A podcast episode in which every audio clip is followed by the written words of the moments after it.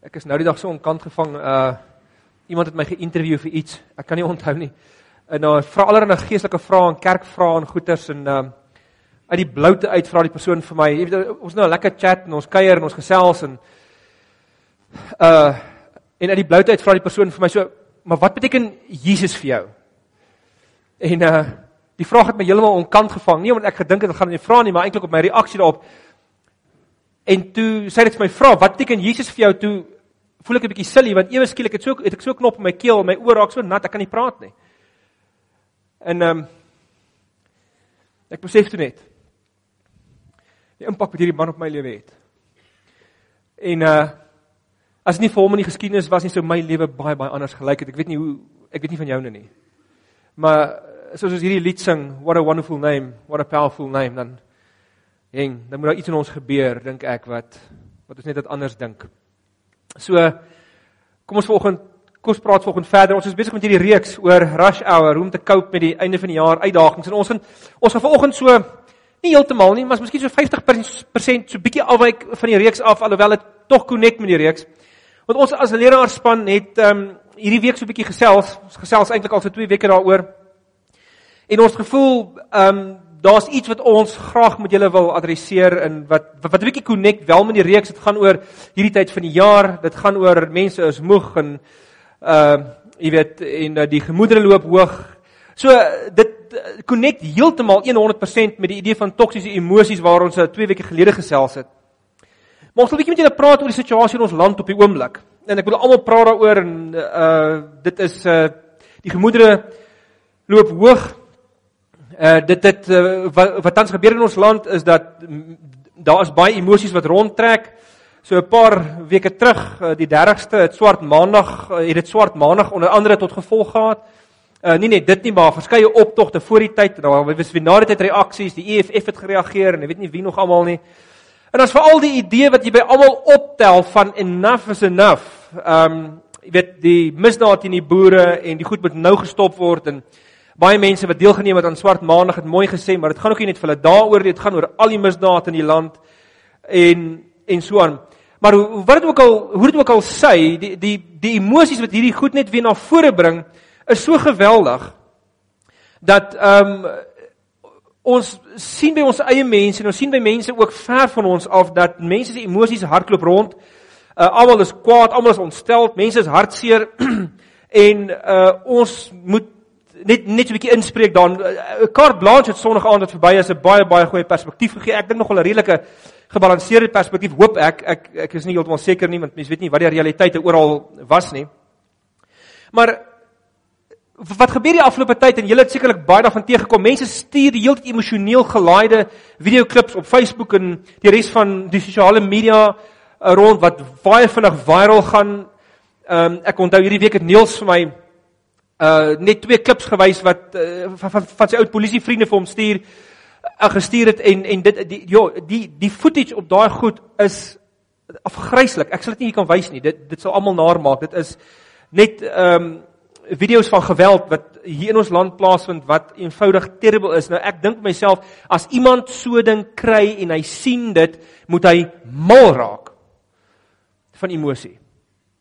En dis 'n interessante ding. Mense mense stuur hierdie goed met die idee mense moet realisties wees, hulle moet weet wat in die land aangaan, maar die die ironie is dis nie die die effek wat hierdie goed skep by my en jou is nie realisme nie. Ons raak gek van emosie, van woede, van vrees, van van wat ook al wanneer ons baie van hierdie goed sien. En hier is die probleem wat ons het. Christene doen so mee hieraan op allerlei terreine en ons moet deelneem in die samelewing. Dis heeltemal reg, maar die manier hoe Christene hiermee omgaan, lyk vir ons is baie keer so onnadenkend. En hulle ehm um, kom met sulke verskeie angles en reageer net so onnadenkend soos almal om ons. Ons almal uh, is soms skuldig hieraan. Dis asof ons soms reageer uh, jy weet soos in erotiese afkop hoenders net soos die mense langs ons. So hoe behoort en dis waar ons net vanoggend wil praat 'n bietjie. Hoe behoort 'n Jesusvolgeling te reageer op alles wat gebeur? En dis iets wat ons eintlik gereeld oor moet praat. Want vanoggend gaan ek vreeslik basies eintlik net oor die baie hoofboodskap van die Bybel praat. Nie, jy weet, iets vreeslik weird nie, maar ons gaan net so 'n bietjie toepas op ons situasie in ons land op die oomblik. En hoe moet ons dan nou kyk? So ek het vir julle soos gewoonlik 'n paar punte saamgebring. Die eerste enetjie is net dit. Ons moet as ons Jesus volg, reageer met wysheid, nugterheid en onderskeiding. Wysheid, nugterheid en onderskeiding. Byvoorbeeld, net net 'n paar los gedagtes. Hierdie is nie eens eintlik 'n stelling wat ek maak nie, dis sommer net los idees. Dinge wat wat, wat lyk my mense nie eintlik aan gedink het nie. Party het dit hierna genoem, maar nie maar nie almal het regtig lyk my oor die goed gedink nie. En hierdie gaan nie oor of swart maandag eh, goed of sleg so seer was of dit uh, hy het obviously goeie elemente gehad, hy het ook 'n negatiewe effek gehad. Party mense het natuurlik die dag gehijack vir hulle eie agenda. Dit sal jy altyd kry met 'n goeie beweging. So dit gaan nie regtig daaroor nie. Ehm um, die vraag wat ons moet vra is net ehm um, voor mense egter deelneem aan enigiets en voor jy agter net reageer of op Facebook nog 'n ding skryf of of dit aanstuur vir mense of dit share, dink net eers oor 'n paar goed. Byvoorbeeld, ons is almal bewus van die die die oor meer as 180 boere wat vermoor is sedert die begin van hierdie jaar. Dis ek wil as ek dit goed dink, ek dit, dit dan raak dit my, moet ek erken, meer as as van die ander goed wat gebeur. Hoekom? Want die meeste boere wat vermoor word is blank Afrikaners soos ek en dit raak my baie dieper. Ek moet eerlik wees. Maar dis dit dis egter deel van die probleem. Want daar word byvoorbeeld 52 mense elke dag in Suid-Afrika vermoor.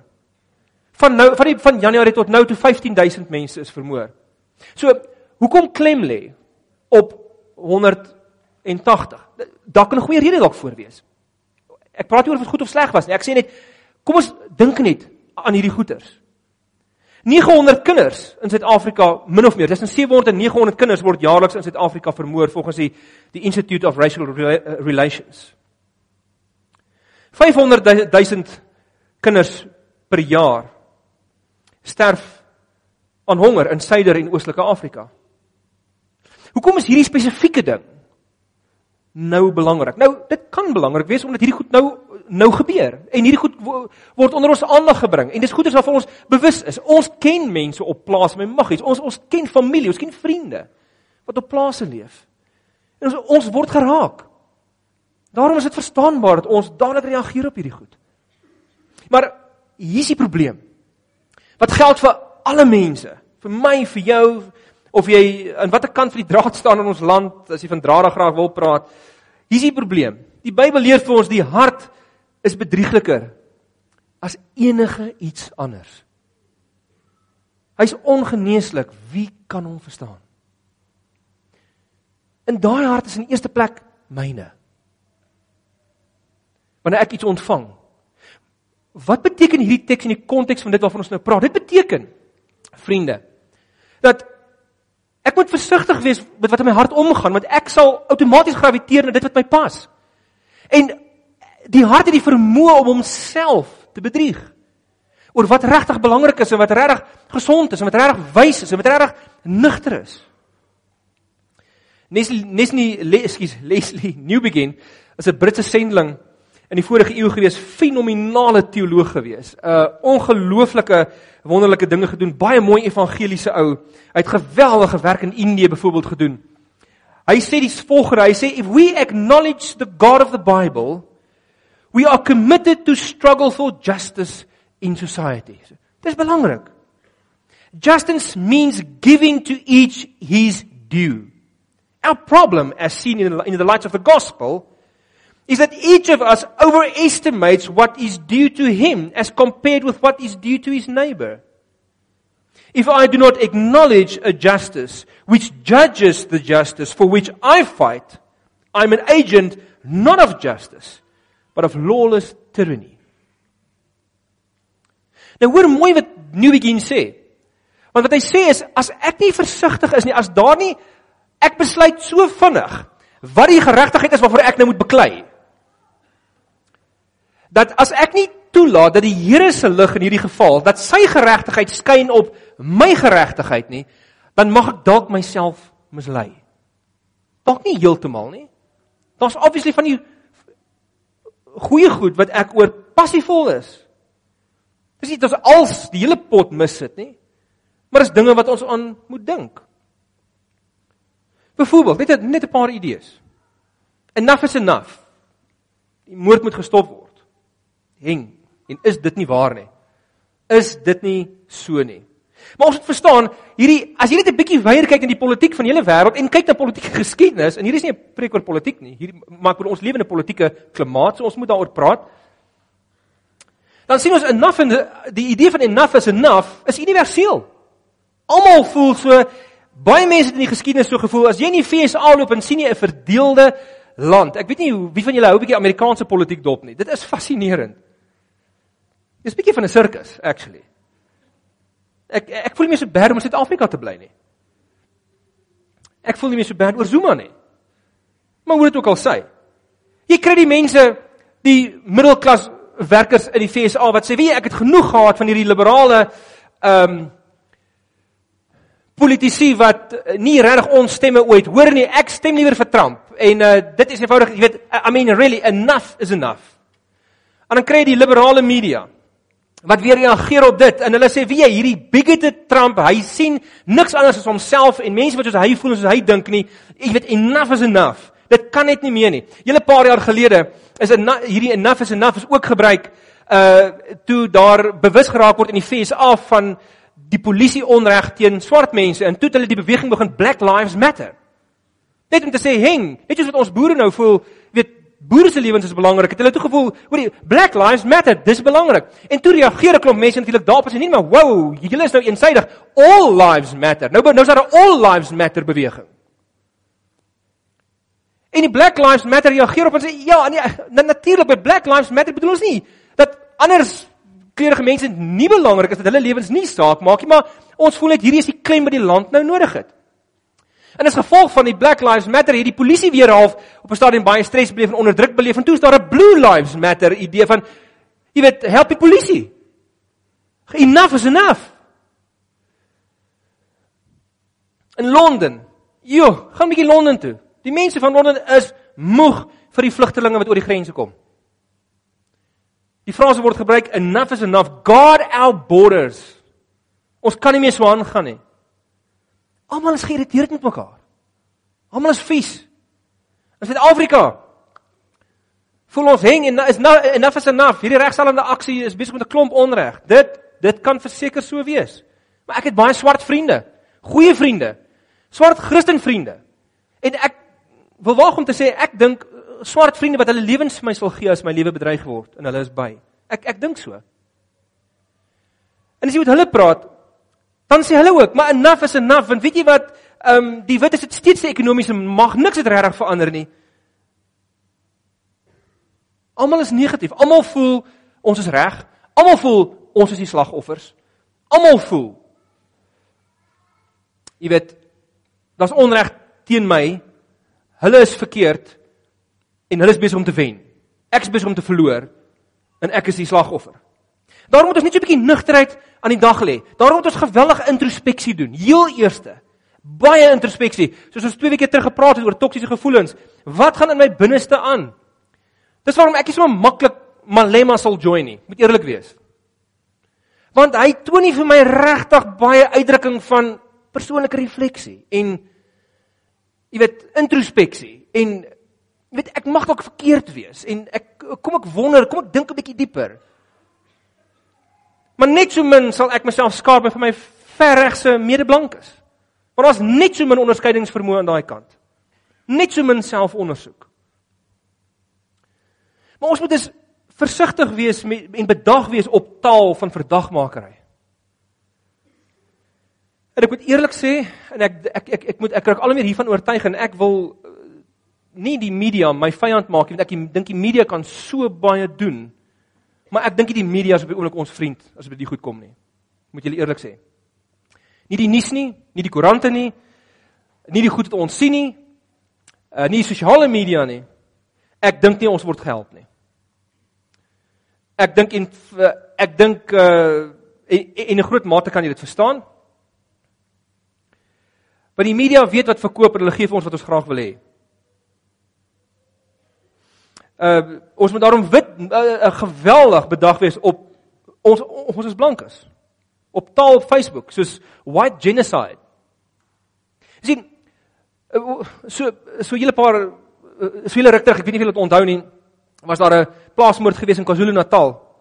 En dadelik, maar voor die polisie op die toneel gekom het, het iemand dit gepost, white genocide going on. Die polisie het gekom op die toneel, daar's ondersoek gedoen en later kom hulle agter, maar dit is dit is wit jeug wat hierdie spesifieke persoon vermoor het. Ek dink wat vir my terrible is by die wat die plaasmoorde betref, is die lyke wat so gemutileer word. Ek het ek het nie woorde nie. Maar een ding wat 'n mens dalk miskien in jou agterkop moet hou, is dat die plattelandse omgewings waar hier goed plaasvind. Het die Sangomas geweldige mag en uh, hulle glo dat wanneer jy iemand doodmaak en jy wil daai persoon se krag en se se mag hê, dan moet jy hom ontbloot, jy moet hom expose en jy uh, hoe hoe hoe meer jy hom mutilate, hoe meer krag kry jy. So hierdie goedes is nie noodwendig almal altyd polities geïnspireer. Dit kan wees en ek dink party is natuurlik. Maar soms is dit geestelik geïnspireerd. Godsdienstig geïnspireerd. Hierdie is reël goed. Heng en ek weet mense kom nie na kerk op Sondagoggend, jy weet die lewe is taaf genoeg en is negatief genoeg. Nou praat ons vanoggend hieroor, maar ek ek dink ek dink ons het iets positief om by te dra. En ek dink die idee is om vanoggend te eindig met die hoop van die Here. Maar dis die eerste punt.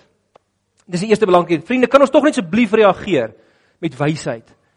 Ek ek ek sien so baie keer ek wil dis wat by die grootste eh, ehm um, die grootste probleem vir my is is nie dat mense droog maak in die land. Ek verwag dat mense gaan droog maak, ek self ook. Maar wat my vang is dit met my medegelowiges en soms ek self moet soveel dwaasheid reageer oor wat ons post en wat ons aanstuur. Maar dit bring my by die die tweede punt wat ek baie vinnig net wil bystaan. Ehm um, en dit is God eerste. Nou, dit klink nou soos 'n breiner. Geloof asseblief. Ek hoor hierdie goed nou al jare lank, maar weet jy, ek wil gou vir julle net een ding noem wat Tim Keller nogal vir my duidelik gemaak het en dit is wanneer voor ons reageer, dink hierdie is 'n persoonlike ding wat jy jouself moet evalueer. Want dit die eerste een, het ons gesê die hart is bedriegliker. So so vra vir jouself voor jy nou reageer, wat is heel bo in jou mental prioriteite in jou gedagtewêreld? Wie is heel bo? Want kom ek sê jou, wat kan die probleem wees? As God regtig heel bo is, Ek bedoel in jou lewe regtig heel boos. Dan is al die goed wat onder dit kom, rasisme, selfs jou prestasie, jou werk, irritasie, alles wat gebeur is sekondêr tot dit en jou prentjie van God sal inklee hoe jy die ander goeders beleef en wat jy met hierdie ander goeders doen. Met ander woorde, jou rasisme, jou prestasie werk sal uiteindelik die knie buig voor God as hy heel bo is. Maar hier's die probleem. As jy as jy godsdienstige mense is, as jy gelowige mense is, gebeur dit baie keer dat 'n ander ding is bo. God is ook daar. Hy's deel van jou lewe. Hy's deel van jou prentjie. Ek wil die volgende een wys, uh, Johan. Maar dit is vreeslik subtiel. As rasisme of of of wat ook al, as ander goed bo is en God is tweede, dan beteken dit jy gebruik uiteindelik God in diens van jou sonde. In dien van of in diens van goed wat nie noodwendig sonde is nie, maar goed wat soos prestasie of soos jou werk of soos jou toksiese gevoelens. Daarom moet jy fyn bedag wees. Op wie is in jou lewe en jou gedagtewêreld heel bo en vir wie reageer jy nou? Want sien, hier's die probleem. As as as daar ander goed is wat hoër prioriteit in jou lewe het en God is ook deel van jou prentjie, dan so 'n persoon gee vir homself baie van 'n gemoedsrus. God is ons deel van my lewe. Ek bid, ek bid vir wysheid, ek bid vir ek bid vir insig, maar hy's nie bo nie. So jy sis jouself dat jy dat jy dat die Here deel van jou lewe is en dat jy sy wil soek, maar uiteindelik staan God eintlik en godsdiens eintlik in diens van die ander motiewe in jou lewe. Vrees of woede of wat ook al. Daarom moet ons baie baie fyn onderskei en lank bid en selfrefleksie doen en dink en wonder en weer bid en vir vriende vra, wyse vriende voordat ons reageer want as God nie boos nie gaan ons droog maak in die naam van godsdiens. Gaan ons droog droog maak in die naam van Christendom, in die naam van Jesus. En ons hart is bedrieglik en ons gaan dit nie eens weet nie. 'n derde ding is aanvaar die bediening van verzoening as jou lewenslange roeping. Aanvaar die bediening van verzoening as jou lewenslange roeping. Nou voor as 'n teks of twee lees, net op hierdie punt. Ek het 2 weke terug as die van julle wat, wat nie 2 weke gelede hier was nie, toe ek gepraat het oor die koninkryk en oor prioriteite en oor die oor al die stemme in jou kop wat jou aandag aftrek. Toe het ek gepraat oor die een basiese boodskap wat Jesus oor gepraat het, die koninkryk van God. En toe het ons gepraat eintlik oor eenheid, dat dat die dat die doel van die koninkryk is eenheid. So asseblief as jy nie hier was nie, gaan jy dalk vanoggend nie heeltemal kry nie. So gaan luister na daai ding 2 weke gelede wat ons gepraat het oor die belangrikheid van eenheid. Maar omdat eenheid Die verhouding tussen mens en God, mens en medemens en mens en skepping so fundamenteel belangrik is in die Bybel en dit is waaroor Jesus gepraat het. Gebruik iemand soos Paulus byvoorbeeld die volgende taal. Hy sê hy uh, dis God het ons deur Christus met homself versoen en aan ons die bediening van versoening toevertrou. Die boodskap van versoening bestaan daarin dat God deur Christus die wêreld met homself versoen het. Dis interessant. Verlede tyd, want nie almal glo nie, maar dit wat Christus gedoen het op 'n manier sien God hierdie wêreld eintlik as reeds as een. En die mense hulle oortredinge nie toereken nie, die boodskap van verzoening het hy aan ons toevertrou. Ons tree dus op as gesande van Christus en dit is God wat deur ons 'n beroep op julle doen. Ons smeek julle namens Christus aanvaar die verzoening met God wat hy bewerk het. Met ander woorde, Jesus het vir ons kom sterf. In die konteks van 2 weke terug, nie net vir ons verhouding met God nie. Natuurlik heel eers vir dit en dis die mees fundamentele verhouding met ons. Dis hoekom ons verhouding met hom so belangrik is. Maar ook vir die verhouding met ons medemens en ook vir die verhouding met die natuur. En ek hierdie is een belangrike ding. Wat ek by medegelowiges optel, by blanke medegelowiges. Oor wie jy beskou as jou mense. Ek hoor dit gedurig as ons praat oor welsyn. Kom ons help eers ons mense en dan help ons die ander. Ons sien Dis 'n probleem Bybels gesproke. Ons is geneig daar daartoe om gedurig die wêreld op te deel in ons en hulle. Die dis dis 'n oud soos die geskiedenis. Die vroeë Jode het dit ook gedoen. Hulle het die wêreld opgedeel in twee, die Jode en die heidene. En die heidene was nie 'n goeie woord om te gebruik in daai dae nie. Die Grieke het die wêreld opgedeel in die Grieke en die barbare. Dit is altyd ons en hulle. Nou hier's die belangrike ding, as ons die boodskap van verzoening gebruik, gebruik Paulus taal soos die volgende. Hy sê byvoorbeeld, dit maak nie saak daarom of iemand Jood of Griek, slaaf of vry, man of vrou is nie. In Christus is julle almal een. Galaas uh, uh dis Galasiërs, Kolossense. Hier is nie van belang of iemand Griek of Jood, besny of nie besny nie, andertalig, onbeskaaf, slaaf of vry nie. Hier is Christus alles en in almal. So dan word hoe hoe hoe verkoop ons hierdie boodskap van Jesus wat vir ons gekruisig is? Wat wat vir ons sondes gesterf het. Hoe gaan ons in die wêreld toe? Ons leef met hulle in eenheid en oortuig hulle dat Christus die oorsprong is van hierdie eenheid. Dat hy eenheid kan kan bewerk sodat ek en jy nou een lewe met mekaar al glo die ander party nog nie. Dit is dis 'n manier van oortuig dat Christus aan 'n kruis gesterf het vir almal en dat ons daarom een met mekaar kan leef. Daarom in tye wanneer ons bedreig word, in tye in tye wanneer daar kontroversie beleef word, mag ons nie laar trek nie. Ons moet een wees. Met wie? Met mense wat die bevolking van ons land reflekteer. Jood en Griek, slaaf en vry, man en vrou, Zulu en Xhosa, Tswana, Afrikaner, Engelsman, Indiër, kleerling. Vriende, ons land is in so gemors. En ons is 'n Christelike land. Hoe is dit moontlik? Wel, met Christelik veronderstel om te wees. Ek dink nie die kerk het hierdie boodskap van verzoening regtig aanvaar nie. En dis die basiese ding in die Bybel. Dit beteken ons kan nie meer net nie probleme hê met my buurman nie. Dis nie genoeg nie. Ek moet intentioneel wees in my hande vat met iemand wat anders as ek is. Ons moet intentioneel wees. 'n Vrou sê nou net vir my toe so praat oor die goed sê, "Ja, weet jy, ek werk elke dag saam met allerlei mense van alle soorte en godsdienste goed en ek het nie 'n probleem met enige iemand." Ek sê vir wow, wow, wow. Moenie van daai krap gee nie. Dis nie genoeg nie. Lunch jy saam met party van hulle intentioneel. Eties bou jy prentjies van eenheid sodat mense na jou lewe kyk en sê, "Wow, maar dis moontlik sy doen dit." Hy doen dit. Miskien kan ek ook. Of miskien moet ek hom of haar gaan vra, wat is die doel van jou eenheid?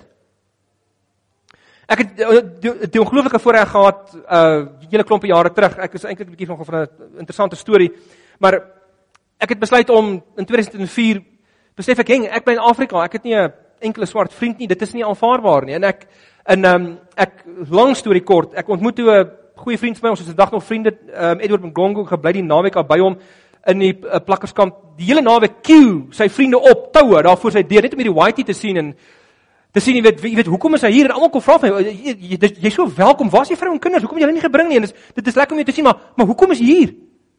En ek my antwoord die hele tyd was net ag ek weet ek is net hier om te leer. Ek wil maar net sommer 'n paar van hulle ontmoet en kyk hoe lewe hulle ek wil maar net leer. Dis al.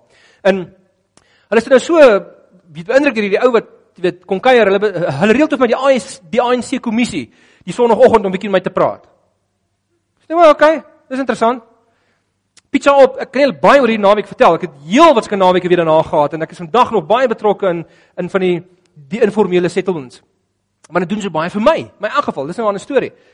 Ek kom die oggend voor die kommissie en uh yes, ons chat en ons kuier en hulle sê my, jy weet, uh, hulle vra die jackpot vra. So, why are you here? En ek dog so sê ek gaan nie weer weet sommer net sê ek hier om te leer nie. Ek sê dit eers te hulle, maar ek sê vir hulle hulle vra my verder, but yeah, but why? That's very interesting. Nobody has done has really done this before. En ek sê, oh, well, you know what? I have to be honest. I follow a leader that dreams about unity for this broken world of ours. He dreams of unity between black and white, between colored and Indian, between Afrikaans and English, and Zulu and Xhosa. Who is it? It's the Jesus of the Bible, the divine resurrected Christ.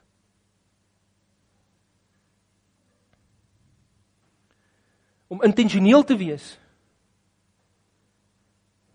En intentioneel in eenheid te wees. Beteken jy skep prentjies van eenheid vir mense wat dit nog nie sien nie, wat hopeloos is, wat dink dit kan nie gebeur nie, wat dink wit is gaan altyd haat, swart mense gaan altyd haat. Sal nooit werk nie. Jy sien, Paulus en Jesus het ook, hulle het met almal gemeng, hulle het geen glad nie gediskrimineer nie. Hoekom nie? Want hulle het ook die wêreld opgedeel in twee. Paulus volg natuurlik, hy het dit nie aanvanklik gedoen nie, maar hy volg uiteindelik Jesus se voorbeeld. Hulle het ook die wêreld opgedeel in twee. Ons en binnekort een van ons. Daarom het hulle almal hanteer asof hulle alreeds een van ons is. Want hoe maak jy iemand een van ons? Jy hanteer hom as hy alreeds 'n deel van ons is. En as hy deel van jou word, Dan verduidelik jy vir my hoekom. Wie wie wie bring hierdie eenheid? So voor ek en jy reageer, is die vraag wat ons vir onsself moet vra vriende. Reageer ons in die diens van eenheid? Eenheid word die beste geïllustreer in diversiteit. As almal wat dieselfde lyk saamkom, dis nie 'n kuns nie. Waar is die krag van die evangelie daar? Maar as mense wat veronderstel is om mekaar te haat, wat veronderstel is om mekaar nie te like nie, wat veronderstel is om mekaar ongemaklik te maak, hulle saamkom. Dan vra mense vra, dan tref jy die voorblad.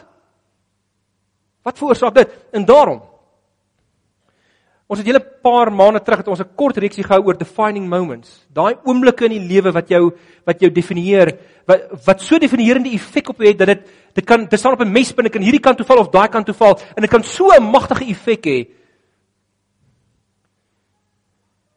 Wil ek vir oggend sê elke oomblik wat jy te maak het met enige mede-Suid-Afrikaner En ek moet eerlik wees, vir alle ander kleurige staan jy voor 'n defining moment. Hoe gaan jy dit doen? Hoe reageer jy teenoor waiters wat jy kom bedien? Jy moet intentional wees. Ek sit gister in 'n uh daai jy plekkie besig om my boodskap te werk, moet nogal aan hierdie ding en ek hier's 'n swart kappel wat inkom met 'n klein babatjie. En toevallig sien ek net die ou kyk na my toe en ehm um, maar maar is een van daai oh, jy weet daai awkward vinnige kontak oomblikke waar ek nie tyd het om te smile nie. Hy smile ook nie vir my nie en ons toe toe die vierde keer ons oë lok op mekaar toe dog ek ek ek ek wonder ek ek wonder wat hy dink dink ek. Ek hoop nie hy dink ek hou nie van hom nie of jy weet ek en en ek kyk in my boodskap en dink jy's roof jy gaan 'n groot fake wees as jy nou hier niks doen nie. En ek staan net daar op en ek stap na hulle toe. Ek sê uh, hallo ek neem aan as jy 'n kleintjie hoe hoe oud is hy? Ja 5 maande. Maar wat is sy naam? Domisane. Okay. En die twee kan nie glo praat met hulle nie. En ons kyk en, ons, en, en dit was nie 'n vreeslike, jy weet, fireworks gesprek nie. Ek het maar net Hulle gesê, "Oh, I also have children. It's nice to see people with children. You weet, uh enjoy your food." Gaan en ek sit weer. Ek gaan met hulle my werk, hulle gaan met hulle goed. Maar ons kan nie meer nie intentioneel wees nie. Hulle loop later voor my. En die ou kom by my tafel verby. Hy sê vir my, "Thanks for coming to speak with me." Dit maak so impak. Dit is so eenvoudig. Maar ons kan nie meer nie intentioneel wees nie. Aan ons is toevertrou die bediening van verzoening. Vierde een, ek moet aangaan anders gaan ons nie deurkom nie. Leer die geestelike dissipline aan van kulturele opoffering. O, hierdie is 'n moeilike een. Ons like dit on, on, ons like dit nie. Maar dit is 'n logiese uitvloeisel van die bediening van verzoening. As die bediening van verzoening ons doel is, hoe praat Paulus? Hy sê, hoewel ek vry is van niemand afhanklik nie, het ek my aan almal diensbaar gestel om soveel mense moontlik vir Christus te wen. Vir die Jode het ek soos 'n Jood geword om Jode te wen, hoewel ek self nie meer onder die wet is nie. Het ek vir die wat onder die wet staan, onder die wet gestel om hulle te wen.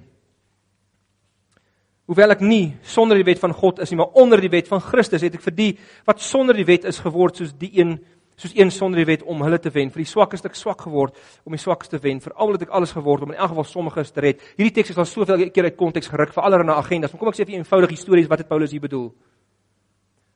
Hy het sy eie kulturele voorkeure as Jood opgegee. Hoekom? Vir eenheid. Om mense te wen sodat hulle kan een word met hom en een word met God. Hierdie gaan oor kulturele dinge. Hy het onder die Grieke gewerk. Wat was hy? 'n Jood. Hy het Aramees gepraat. Hy gee dit op. Hy praat nie meer Aramees nie. Hy gee sy kulturele voorkeure op ter wille van eenheid. Hoekom? Want daai mense met wie hy werk, ken Christus nog nie. Hulle ken nog nie die rede vir opoffering nie. Hulle ken nog nie die rede hoekom hulle gaan nie hulle gaan nie hulle kulturele voorkeure opgee nie. So jy wat die Here ken, jy moet jou nou opgee. Paulus gee se reg op om in sy moedertaal te aanbid. Dis wat hy daar doen. Ek hoor soveel keer mense sê, Nee, maar ek ek voel ek het nie reg om my moedertaal nie, jy het nie. Dis nie 'n Bybelse reg nie. Dit beteken leer maar Engels aan. Vat 'n Zulu klasie. Moet erken ek het al twee Zulu klasse gedoen. Ek nog steeds Zulu praat nie. Eh, want ek praat dit nie genoeg nie, is my eie skuld. Met ander woorde, my taal, my kultuur, my gemak gee op ter wille van ander mense. En dis hoekom ek so half 'n nooi draak as mense in 'n kerk 'n baie oulike kerk, goeie kerk met goeie mense soos hierdie. Altyd moun oor kleinighede. En die koffie is nie lekker nie en die sitplekke is te hard en die musiek is te sag nie. Ag, uh, bediening van verzoening, asseblief. Ons moet dinge hier kry. Dit gaan nie hier om my behoeftes te voorsien ook nie in joune nie. Ons is eintlik hier om dit op te gee. Sodat die mense wat daar buite is, as hulle hier inkom, dan verstaan hulle die kultuur wat ons hier hier vestig. Hulle verstaan die taal wat ons gebruik. Ons offer almal op ter wille van hulle. Nou as die koffie koud is, moet dit warm gemaak word. Maar dit beteken dit dis moeilik. Jy moet jou gemak opgee. Ek is 'n uh, eh, laasweek by by akademiese kolloquium. Waar prof Jan van der Walt, hulle so hulde blyk aan hom gedoen. Ouens vertel toe wat hy hy's nou in Nederland, maar hy toe hy by Tuks klas gegee het, professor in Nuwe Testament. Want in die middag na klas, dan gaan doen hy sendingwerk in die informele woonareas. En werk hy tot laat in die aand en in 1 uur die aand dan sa van van wie behoeftes dan sê dan kan hy nog nie huis toe gaan nie dan besluit hy ag hy slaap net sommer daar. Dan slaap hy by die by een van sy vriende daar. En die een vriend het net een kamertjie met 'n dubbelbed. En dan slaap hy toe op die dubbelbed, maar dis een van daai dubbelbed matrasse wat nou al hy's nou al oh, hy het geflip en omge hy's nou al toe deur geslaap het. Jy weet hy hy kan nou nie meer nie, sy rol is so in die middel toe. En word in die middel van die nag wakker, rol weg en as hulle oë uitvee asof jy op mekaar se gesigte. Jy gee jou regte op. Jy gee jou gemak op. Dis wat die kruis beteken.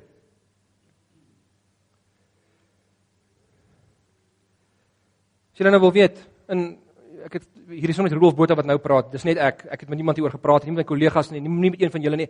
Maar weet julle wat's nou regtig? As Oosterlig nou. Kom ons droom so 'n bietjie. As Oosterlig nou 'n amazingly versoenende ding wil doen. Die beste ding in Suid-Afrika wat jy kan doen om die evangelie te laat realiseer. Weet jy wat is dit? Word Engels en sluit swart mense in. Nie vanmiddag 3 uur vir hulle hulle eie diens bied nie. Nie hier. Iets om aan te dink.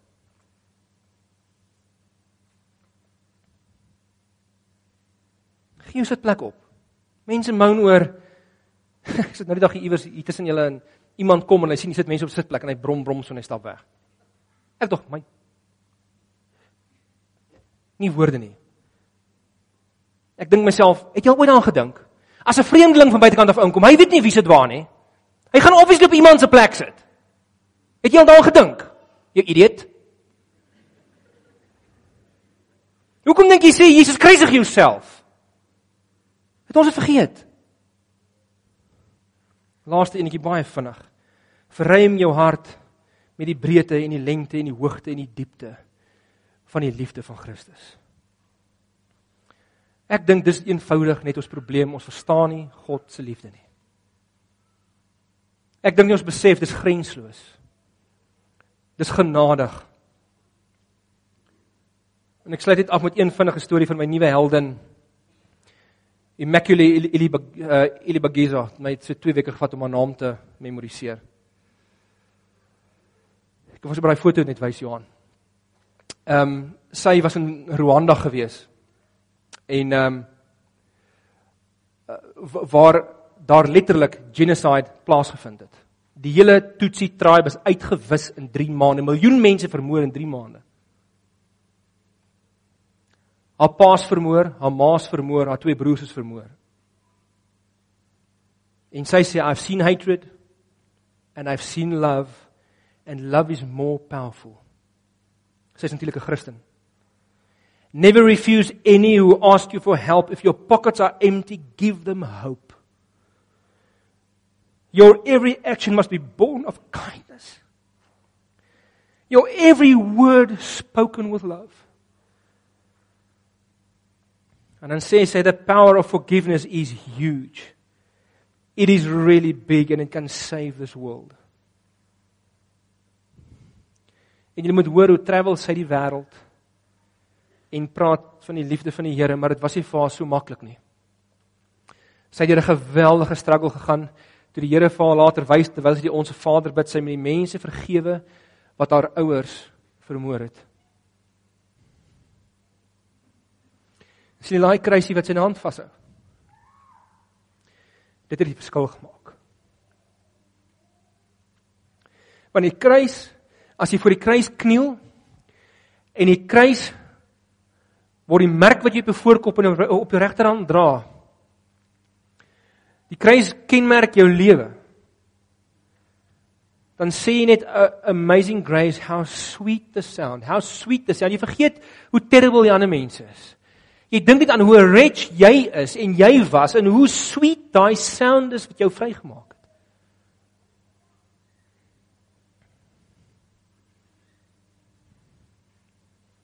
En dan sê daai koorgedeelte wat ons so goed ken, my chains are gone. Sy is veronderstel met baie chains te loop.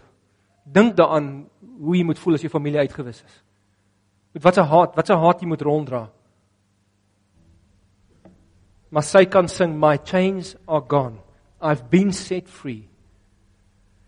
En vriende, ek dink daar's vanoggend van ons wat swaar dra.